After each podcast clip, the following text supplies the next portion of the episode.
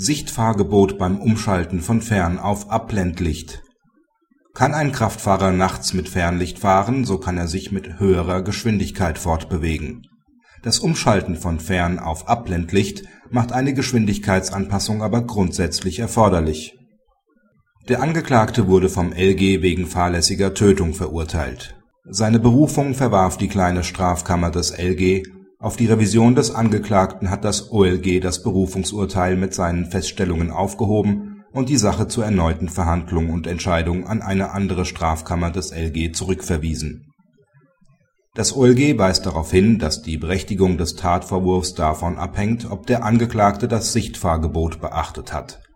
Da sich der Unfall nachts ereignete, kommt der Frage, ob der Angeklagte mit Fernlicht oder mit Abblendlicht fuhr, entscheidende Bedeutung zu bei Fernlicht ist die Sicht größer, so dass die gefahrene Geschwindigkeit höher sein kann. Dagegen muss bei Fahrten mit Abblendlicht die Geschwindigkeit der geringen Reichweite des Lichts angepasst werden. Beim Umschalten von Fern - auf Abblendlicht gelten Besonderheiten. Wer vor einem entgegenkommenden Fahrzeug ganz kurz abblendet, ist nicht zur Herabsetzung seiner Geschwindigkeit verpflichtet, wenn er innerhalb des zuvor vom Fernlicht ausgeleuchteten Raumes wieder aufblenden kann muss er jedoch länger mit Abblendlicht fahren, so muss er seine Geschwindigkeit herabsetzen. Er muss allerdings nicht sofort im Augenblick des Abblendens seine Geschwindigkeit auf das durch die geringere Reichweite der abgeblendeten Scheinwerfer bedingte Maß herabsetzen.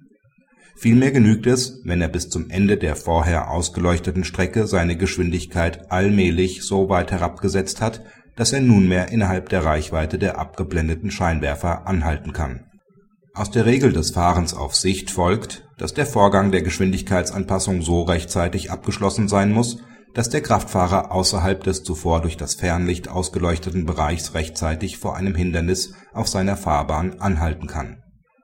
Das Landgericht hat nach Auffassung des OLG diese Grundsätze nicht hinreichend beachtet, so dass die Revision des Angeklagten zumindest vorläufigen Erfolg hatte. Praxishinweis das Sichtfahrgebot des § 3 Absatz 1 StVO stellt eine goldene Regel des Straßenverkehrs dar.